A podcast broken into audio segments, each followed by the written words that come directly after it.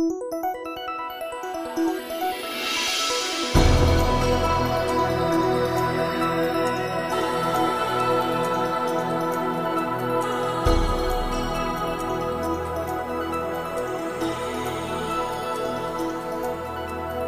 Самбайцны өрхөм сонсогчдоо Eagle Radio 91.1-ийн радио жиргэн нэвтрүүлгийн пүрэв гарагийн дугаар эрхэм сонсогч та бүхэнд хүрэхэд бэлэн боллоо. За өнөөдрийн нэвтрүүлгийг уламжлал ёсоор наран төгс гамбайр нар хөтлөн явуулнаа. Тэгэхээр цахим жиргээ Twitter орчинд өрнөж байгаа сонирхолтой пост сэтгэлдлүүдээс эрхэм сонсогч та бүхэндээ бас хүргэн. За энэнийхэн зэрэгцээ бас гарч байгаа мэдээллүүд дээр үндэслэн тодорхой бас албаны шийдвэрүүдийг бас эрхэм сонсогч та бүхэндээ мэдээлэл болгон хүргэхийг зорих болно. Тэгэхээр за нарын төгс өнөөдөр ямар мэдээлэл байна? Сонирхолтой юу байна? Өнөөдөр нөгөө карантин ахад хөл хорионд тогтоож байгаатай холбогдлолтой түүнийг дагсан үйл ажиллагааны зохицуулалтын мэдээллүүд нэлээ хүмүүсийн анхаарлыг татчихин тийм ээ.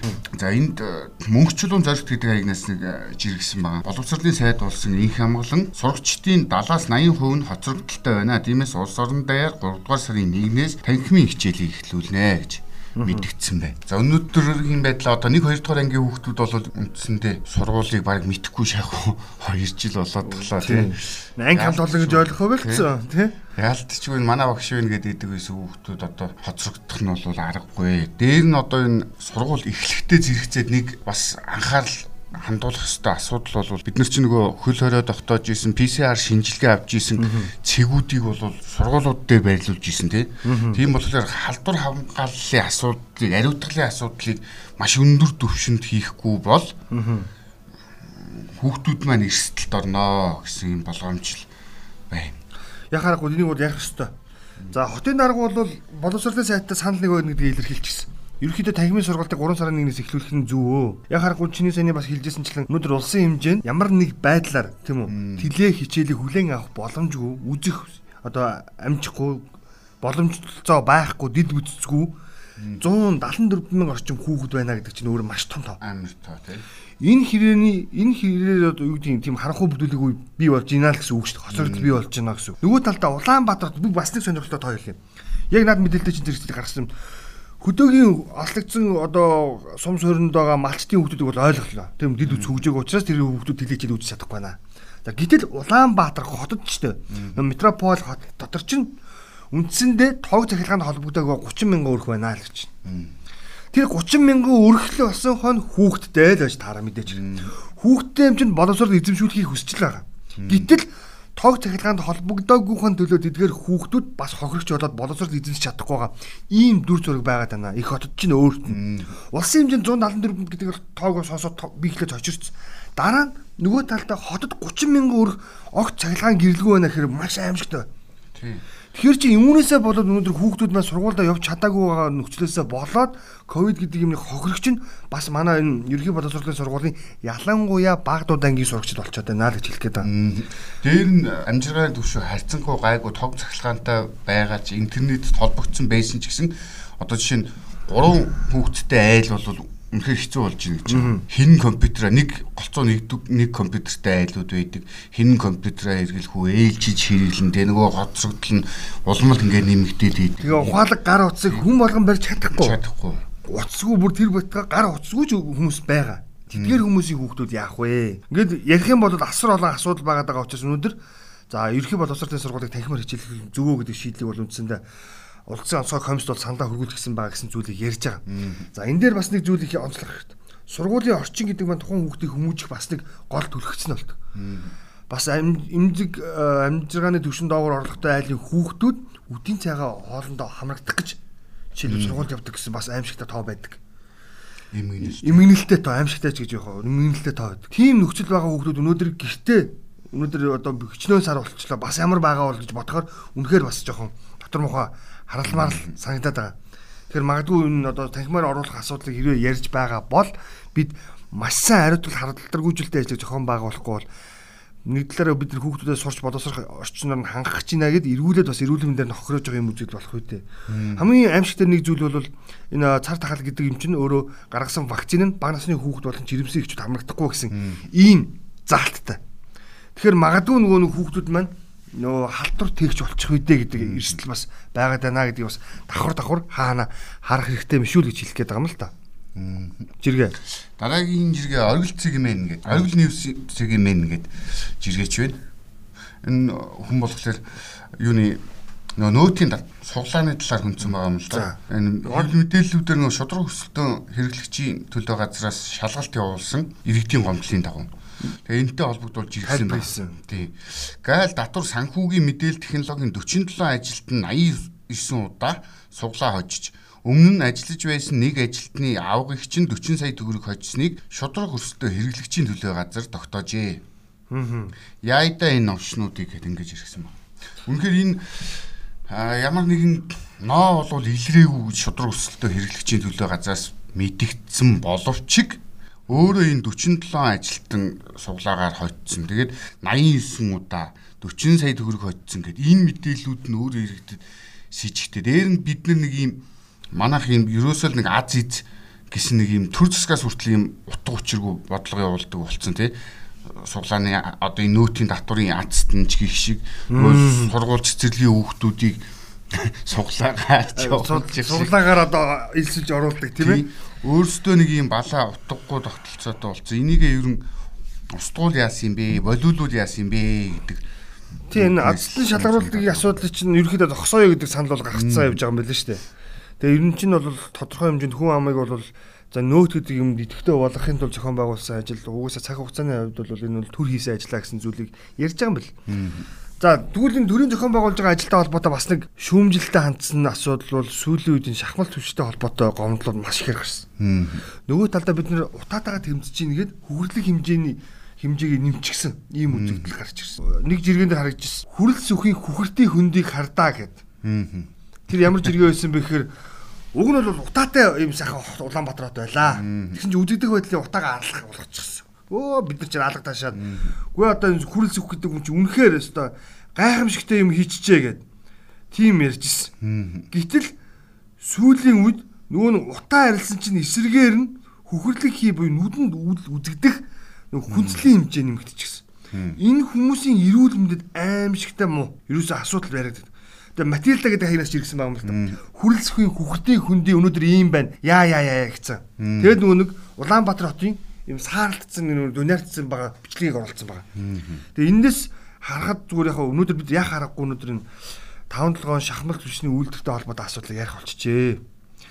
Эдгээр бид шахмал түвшийг үйлдвэрлээд нүдэнд үзэгдэх хар утаанаас салж чадсан ч гэсэн нөгөө талдаа нь үйлдвэрлэлийн процесс тодорхой хэмжээнд өөрчлөлт оруулах хэрэг байна гэдгийг хэлээд байгаа. Тэгээ саяны бичлэгтэй холбоотой дагаад гарч ирсэн сэтгэлдүүд рүү явж ин л да. За Бат Эрдэнэ гээд хаягнаас шахмал төрш хийж байгаа энержи ресурсын угаах үйлдвэрийн митинг буюу хаягдал нь хүхэр болон үнсний агуулга байгалийн нүүрснээс 5-7 нүүрснээс гэсэн үг шүү. Хоёр дахин ихээ.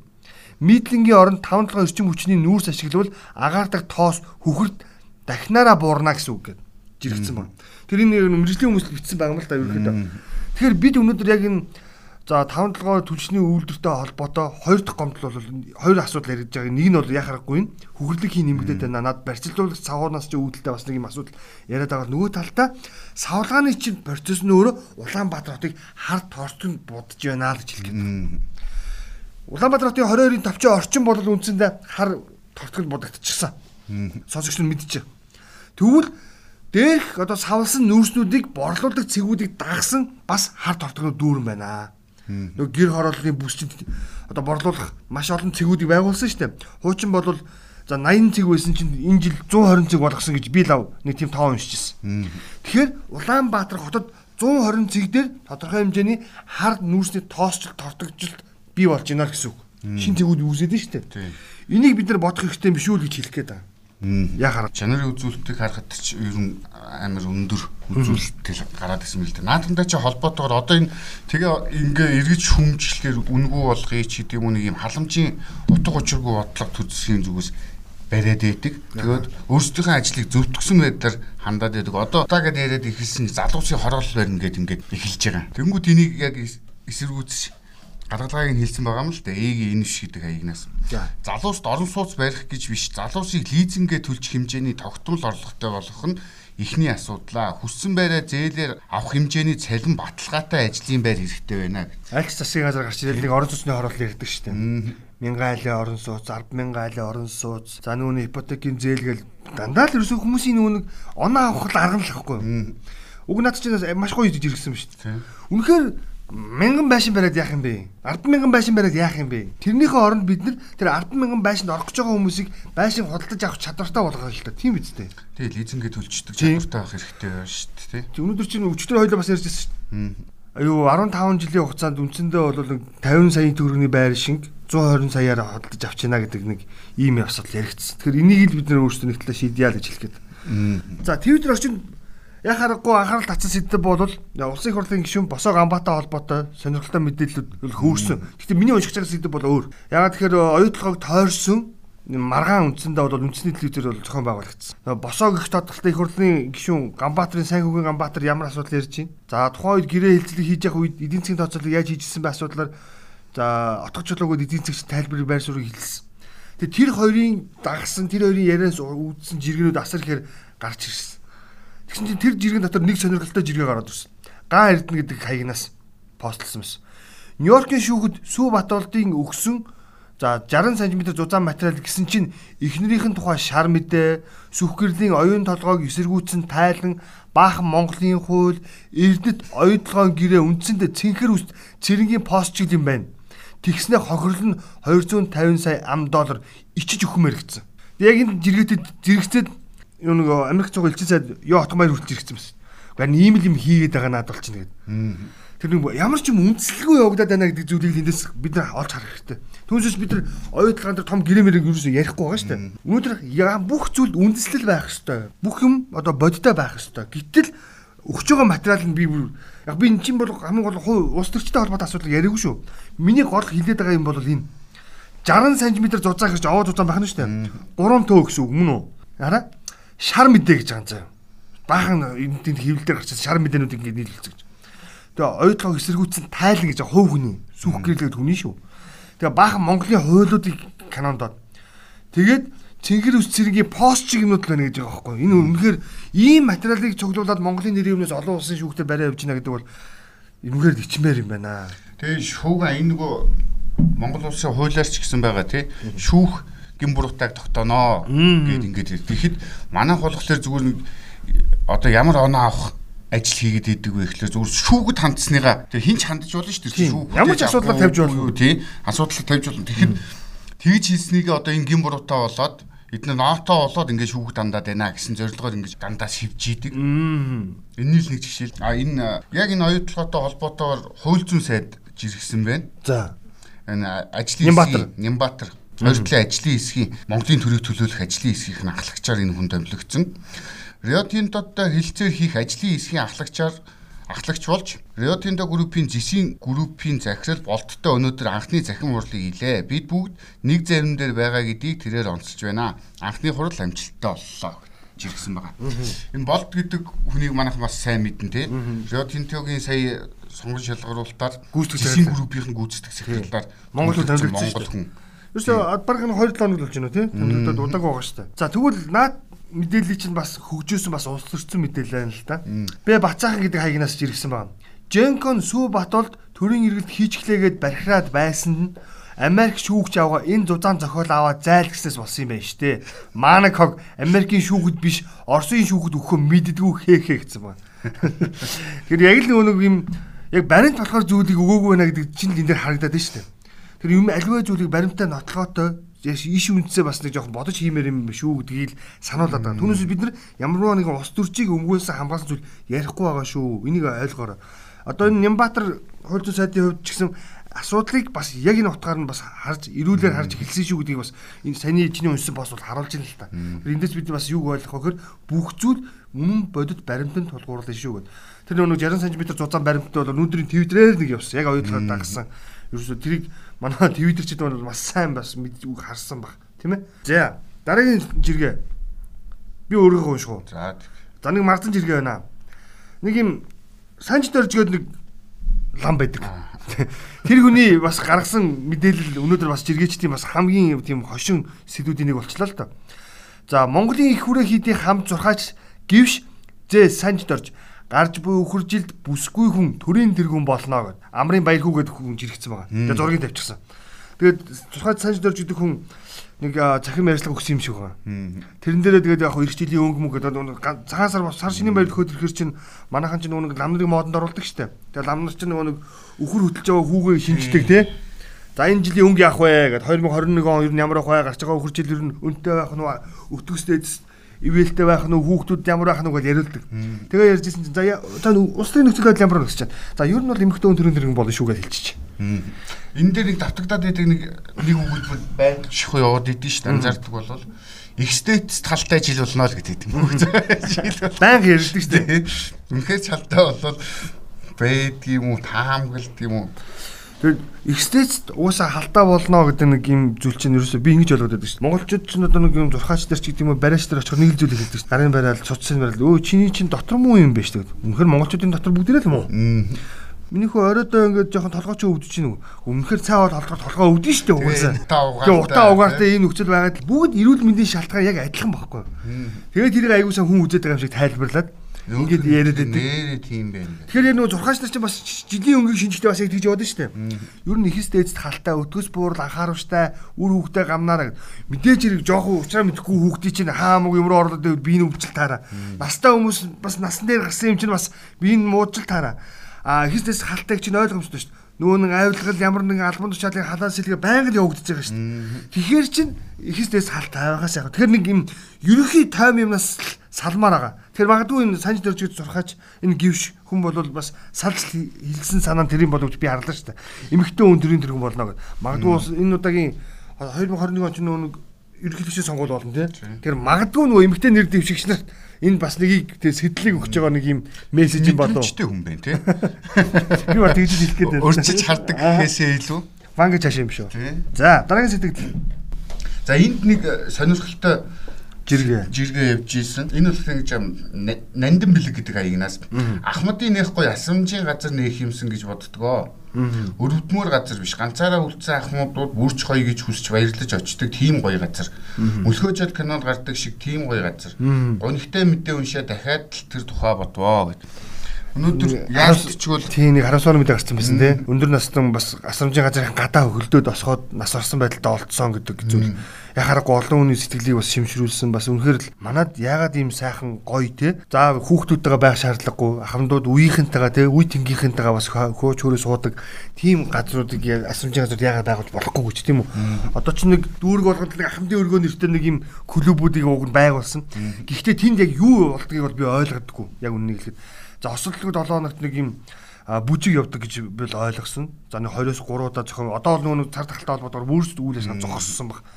Өндөр настай хүмүүсгээ бид нар юмыг бол хайж болохгүй. Тэр хүмүүсгээ бас хөгжүүлэх тэр хүмүүсгээ уйдаахгүй нийгэмдээ бас идэвхтэй байлгахт нь бас тийм зүйлүүдээр дамжуулаад явах нь зүв баг тий? Тэгэхээр яхаарахгүй тэр төвд бол нөгөө манай ахмадууд чинь сонгуулийн хамгийн идэвхтэй оролцогч нар байдаг.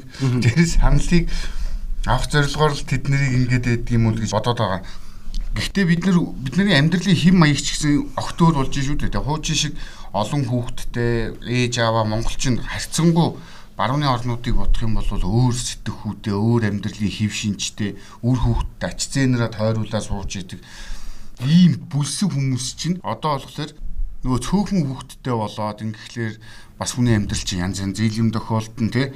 Тэгэхээр яалтчгүй ахмадууд маань бас нэг ийм асаргаа сувилгааны газар хэрэгтэй байна. Тэрнийг бол хамгийн тод жишээ бол тэр харамсалтай хэрэг боллоо шүү дээ. За надаа Аюш Батэ гэд хаягнаас жиргсэн нэг сонирхолтой жиргээ бас байгаа. Яг ихэд чи тэр ярьж байгаануудын баг төгсгөл нь болов гэж би тааж зүгээр хувьдаа. Хөгжингөө улс ялангуяа Герман, Швейцар, Скандинавын орнуудын эрүүл мэнд боловсрал эдийн засгийн авилгын эсрэг тэмцэл за энэ төр нь олон жил хоримтлогдсон дэлхийд шилдэг туршлага сургамж байдаг. Мэдэмхийж цэцэрлэж алдаатай шийдвэр гаргаж цаг хөрөнгө үрж амьдралаа барахын оронд дээрх туршлагыг судалж үзээд хэрэгжүүлж яасан бэ гэсэн юм.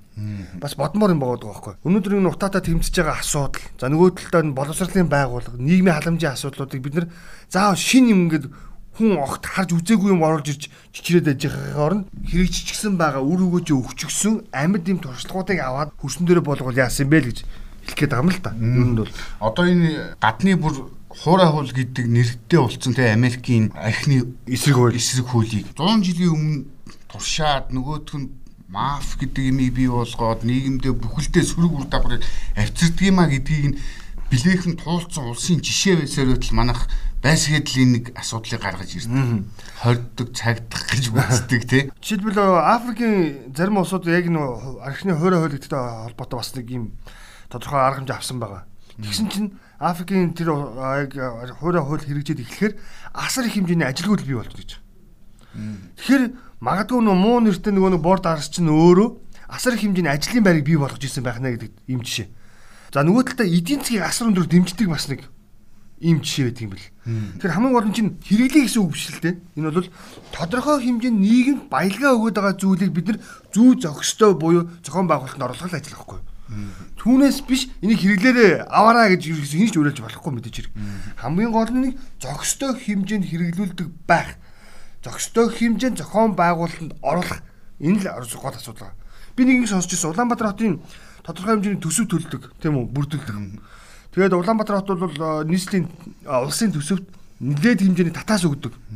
Тэгэхээр чинь ийм одоо аж ахуй нэгж субъект гэж хэлэх юм да. Тэгвэл Улаанбаатар хотын нэг бүрдүүлж байгаа төсвийн бараг 50% нь арх согтруулах унтаатай холбоотой бүрддэг бүрддэг гинэ. Нөгөө нэг 8 нарын дэлгүүрүүд нөгөө нэг баар сав, нөгөө нэг үйлдвэрлэл үйлчилгээ, нөгөө нэг ажлын байрч гэдэг юм иймэрхүү нөхцөл байдлуудаас үүссэн татварууд нь үндсэндээ тиймтэй холбоотой байдаг гэж байгаа. Тэгэхээр энэ чинь асар том эдийн засгийн юм урсгал байна. Тэнүү бид нар бас ямар нэгэн байдлаар хязгаарлах асуудал бас бодмоор л санагдсан юм. За дараагийн хондог чи холбоотойгоор энэ Боловшка болор эрдэнэ жиргсэн байгаа юм л та. Өндөр боловсролтой бизнес эрхлэгч бүсгүйтэй танилцж сайхан ярьцуулаа.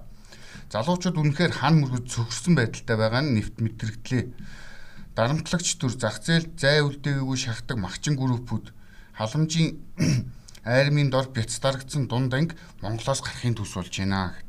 Өнөөдөр яг энэ нөгөө 20 цагтаад байгаагийн балгаар бид нар энэ жижиг дунд аж ахуй нэгжүүдийг алдаад үе таалгаа барихад хүргээд байна.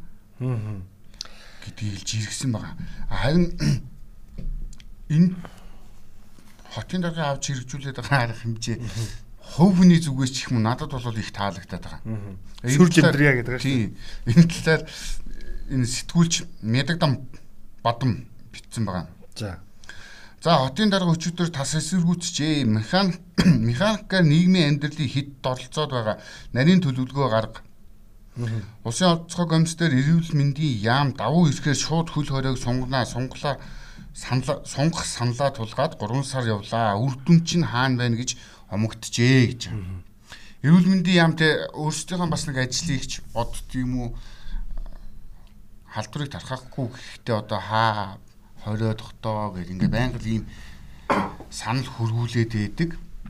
Гэтэл цаана нөгөө хотын чинь амьдрал аж ахуй нэгжүүдийн маань орлого зарлах хэрүүлээ бид нар чинь юугаар амьдрдаг вүлээ гэдгийг бас нэг бодож үзэх хэрэгтэй байна гэдэг. Хотын дарга бол энийг халдвар хамгаалахын дэглэмийг сайн барийн ариутгалын сайн хийдэг болгож шаардыг бизнесийн үйл ажиллагааг болж өгвөл хорио цэргүүл хумхгүй яа?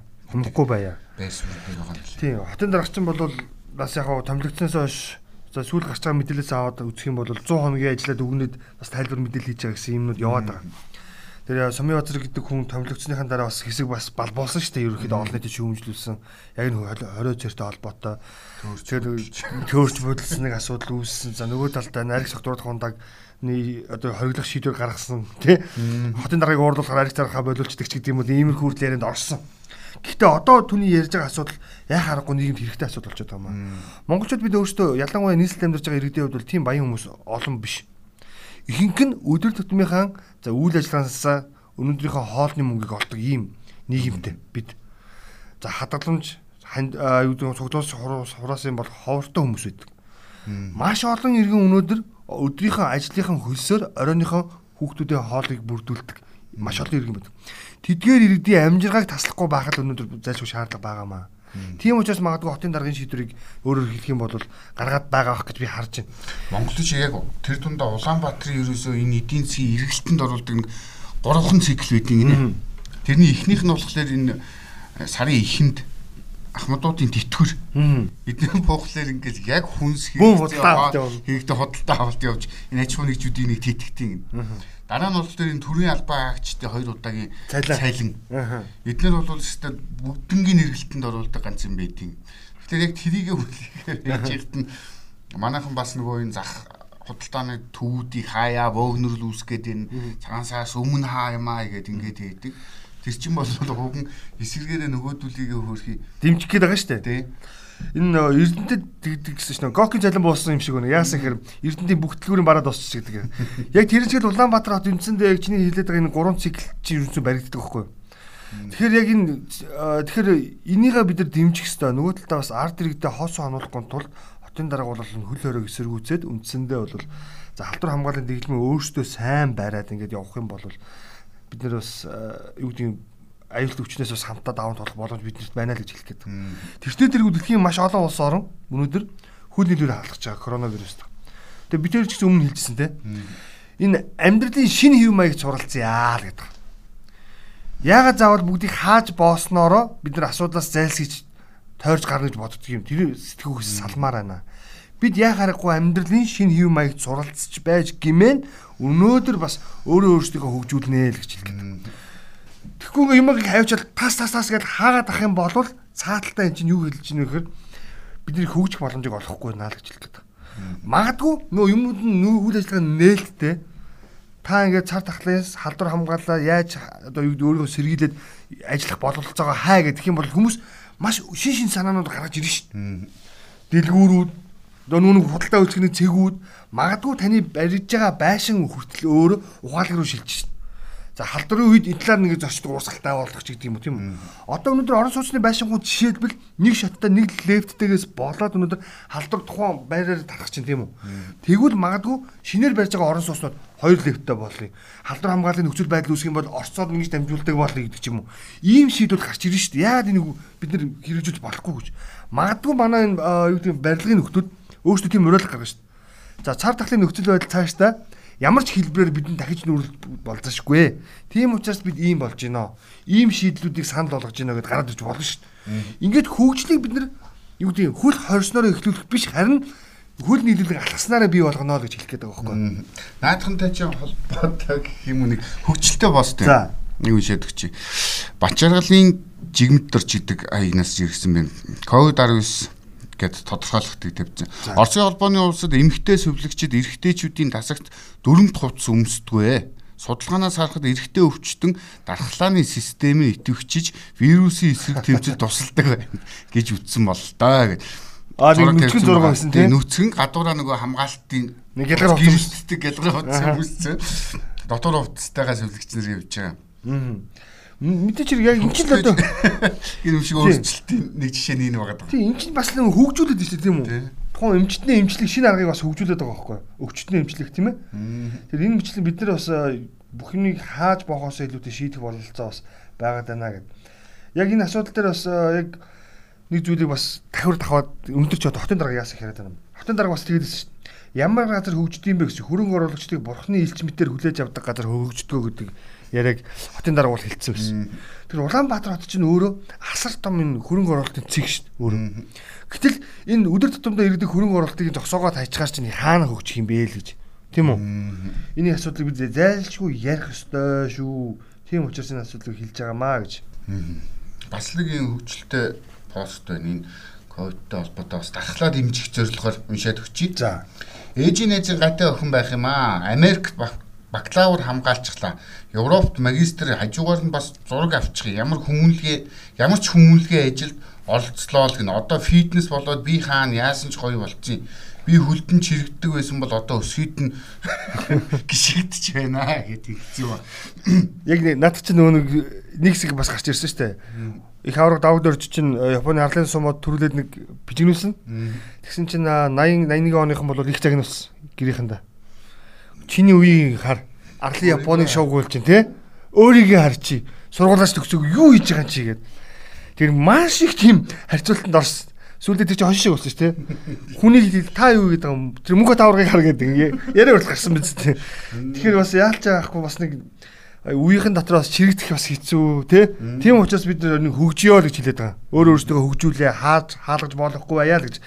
Бидний хилээд байгаа санаа бас арталт нь юм өндөрч байгаа гэж эрхэм сонсогч та бүхэндээ бас хэлээд тэгэхээр сонсогч та бүхэн бас бидэнтэй сан сэтгэлдээ хуваалцахыг хүсэх юм бол за Eagle News гэсэн сайт руу ороод за өөрсд мэдээ ирийн жиргээ бол тэнцээ албасаар тавигддаг. Тэр жиргэнээс ороод нэвтрүүлгээс ороод орон санал сэтгэлээ илэрхийлээрээ хуваалцаараа таны асуусан асуулт за хэлсэн зүйлүүдтэй бол баала тодорхой мэдээллүүдийг бас за наран төвчдөр хүргэхийг зорих болно. Энэ нөө ерөнхий боловсролын сургуулийг нээгтэй нээгтэй холбоотойгоор цэцэрлэгийг бас нээе гэсэн юм санал гарсан байна. Амраа гэдэг хаягнаас иргэсэн. Хүүхэд цэцэрлэгт явахгүй болохоор хүүхдээ хараад ажил хийж болохгүй. Ядчихт өөр хар хүнгүй манай гэрийн амьдрал санхүү алрлаа яана. Өргөт толгойсон ээжүүд бас яг ийм бэрхшээлтэй тулгарч байна. Цэцэрлэгээ нээе гэсэн байна. Мэдээч хэрэг одоо сургуулийн нэвэл цэцэрлэг дагаал бол нэгтгэх гэж бодоод байгаа. Чинь адилхан боловсролын байгууллага нэгэн сургуулийн өмнөх боловсролын байгууллага учраас энэ сургуультайгаа хөл нийлүүлээд ер нь нээчгүй л гэж яалтчгүй нөгөө аль нэг нь гэр бүлийн хоёрын аль нэг нь хүүхдээ харж үлдэх болчиход байгаа юм л та. Тэгэхээр одоо бидний авж байгаа цалин хийдвүлээ. Тэрнээс нэг дахин ингээ хасагдчихлаа хүүхдээ хараад нэг нь гэртээ байгаад ингээ хасагдчихлаа. Тэр айлын эдийн засгийн амьдрал яах вэ? Юугаараа хоолоо залдгуулах уу? Хідэн төгрөгөө байрныхаа лизингэд өгөх үү гихчлэн асуудлууд одоо яг гарч ирж байна л да. Бид нэг хэсэгтээ яг тог цахилгааныхаа мөнгийг, дулааны мөнгийг нөгөө нэг ад үзээд байдаг уул уурхаагаас авч төлөөд байгаа тийм ээ. Гэхдээ одоо яг байдал бидний нуруунд дээр яг яалтчгүй ирэх учраас энэ маш мэдрэмжтэй нарийн зохицуулалт төр засгийнхнаас бол хийхийг шаарддаг та. Одоо чинь 11-ээс 23-ны хүртэл нэг өндөржүүлсэн бэлэн байлын зэрэгт шилжээд хөл хорой тогтоогоод 10 салбарын үйл ажиллагааг бол хэвэн явуулах тухай ярьж байгаа шүү дээ. Тэр энэ дээр бол за хотын зүгээс тэр улсын онцгой комиссийн зүгээс зүйлийг нэг зүйлийг хэлээд байгаа шүү дээ. Үйлдвэрлэл үйлчилгээний буюу өөрөөр хэлбэл худалдааны чиглэлүүд бол бүгд ажиллана шүү гэдгийг хэлээд. Гол нь халдвар хамгааллын дэглэм гэдгийг хэлээд. Энд чинь магадгүй нөгөө талдаа бас нэг бизнесээ тэмцэх бас нэг сонирхол байгаа.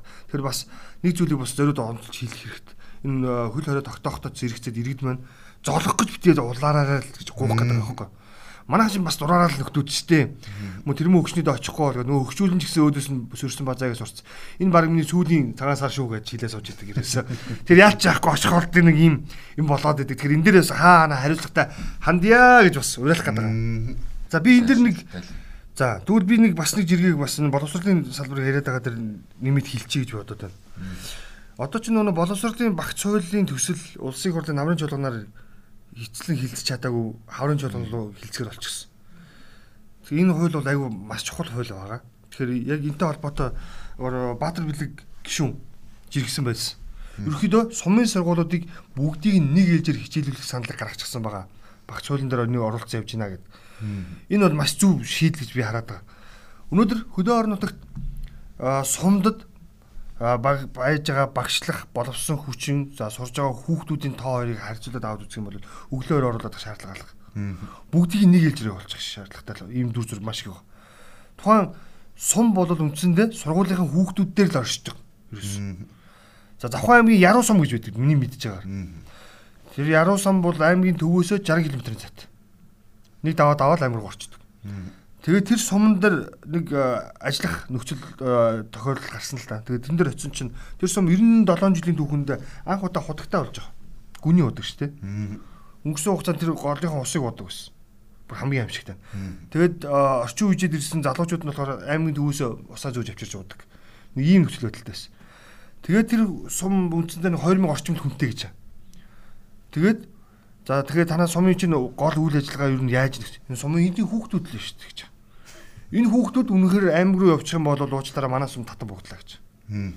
Тэгэхээр бид нар яхаа аргагүй хөдөөгийн боловсрал дээр ялангуяа багц хуулийн дээр бол тодорхой өөрчлөлт хийх шаардлага байгаа даа нөө гэдэг ийм зүр зүр надад харагдсан л та. Тэр энэ Баатар билэг гишүүний ярьж байгаа асуудал бол яхаа аргагүй сонирхолтой. Өөрөөр хэлэх юм бол тэрээр бас өмнө нь боловсрол соёл шинжилгээ ухааны сайдаар ажиллаж исэн ийм хүн. Тэгэхээр магадгүй бид нар энэ орон нутгийн боловсролыг нэг нэг одоо ээлжинд оруулах те нөгөө талдаа үүнийг дагсан боловсон хүчний асуудлыг шийдэж өгөх юм бол илүү бас орон нутгадаа бас хөгжлийг авчрах ийм боломжууд байгаа юм шүү. Хэдэн жилийн өмнө бас Eagle телевизээр гарч ирсэн те нөгөө Төв аймгийн сэргэлэн сум нэг ангид нэг 3-4 хүүхэдтэй 18 бүлэгтэй. Тэгээ ерөөсөө Улаанбаатарын нэг ангийн хэмжээний хүүхдэл тэр сургууль сурдаг. Тэрний тэрний тулд бөөн цахилгаан тий бөөн багш нар цалинжуулна цалинжуулна дээр нь бөөн ингээд үйл ажиллагааны урсгал зардал гэдэг бөөн төсөвт хэрэггүй хэрэгцээгүй хэрэгцээгүй зардлууд үр ашиггүй зардлууд суугаад байдаг. Хэрвээ тэр сумдуудыг одоо нийлүүлэгч байдаг юм уу? Иймэрхүү арга хэмжээ аваад ядаж за бүгднгийн ингээд дэж чаддгүй маа гэхэд ядаж харж ягаад нэг 2 3-аар нэг сургууль та болдог ч юм уу дундаа тиймэрхүү байдлаар хэмжээ аваад бас манай нөгөө нэг тарандаад байгаа эдийн засаг маань төсвийн те тэр нь бас нэг нэг хүүхдэд очих хүртээмж нь арай илүү нэмэгдэх юм уу л гэж хараад байгаа. Яг харахгүй бид нар энэ э, сум суурин нэгтгэх асуудлыг бол ярихаар нөгөө жалгад давны үзлээс болоод энэ асуудлыг хэн сөхч чаддаг. Өнөөдөр э, Баян хонгорч гэдэг юм уу, Сүхбаатарч гэдэг юм уу, аль нэгэн аймгийн тэр олон сумуудыг байхын шаардлага үндэ алга. Тийм үү? Маш олон сум өнөөдөр хүн захиргааны аядаа албаагчтай сумнууд зөндөө өөр ямар ч амьдрал алгаа. Ерөөсөө сонгуулийн санал авдаг нэг ийм л цэг болж хувирсан. Тэгэхээр бид нэг шаардлагагүй байгаа, шаардлагагүй байгаа сумда нийлүүлчихье. Улсаа бод л та тхүү гэж гуйх гэдэг байгаа байхгүй. Манай өдөргөө чинь миний төрсөн сумыг үгүй хийчлээ гэдэг. Тэр сум чи алга болгоогүй шүү дээ. Зүгээр л засаг захиргааных нь нэгжийг л өөрчилж байгаа байхгүй. Нэг тийм нэг юм явцуу жалга дооны үжил бодлыг бид хідээ арилгах вэ гэж асуумаар байна. Магадгүй бид нар маш олон одоо юу гэдэг завхан аймаг чим 20 хэдэн сумтай. Тэр олон сумуудад очиж байгаа хөрөнгийг хуваагаад 10 сумтаа олгож аваад тийм үү. Тэгээд томоохон бүтээн байгуул хөрөнгө оруулалт хийх юм бол нөгөө нэг аймаг орнотын хөгжил гэдэг юм чинь бас илүү хурдцтай болох юм болов уу гэж бодох юм. За өнөөдрийн жиргээ маань энэ хүрээд бас өндөрлөж байгаа цаг маань нэлээд өгцөн дуусах болчихсон байж байна. Тэгээд маргааш бас илүү сонирхолтой ялангуяа хөгжилтэй ийм сэдвүүдийг бол наран төсөвтөр бол эрхэм сонсогч та бүхэнд хүргэе гэж бодож байгаа. Ер нь бол 7 хоногийн баасан гарагийн За жиргэнүүдийг бол аль болох хөгжилтэй фан хэлбэрээр гэж хэлэгдэг те. Бас эрхэм сонсогч та бүхэндээ хүргье гэсэн бодлыг бас дотроо тээж байгаа удахгүй бас манай радио жиргэн нэвтрүүлэг манай Facebook цахим орчинд бас тодорхой техникийн шаардлагуудаа хангаад дуусчод хүрэх болно. Тэр үед ч гэсэн та бүхэн бас бидэнтэй санал сэтгэлдээ бас хуваалцаж байгаа. Өнөөдрийн радио жиргэн нэвтрүүлэг энэ хүрээд өнгөрч байна. Маргааш шинэ дугаартаа төхөөлцөө.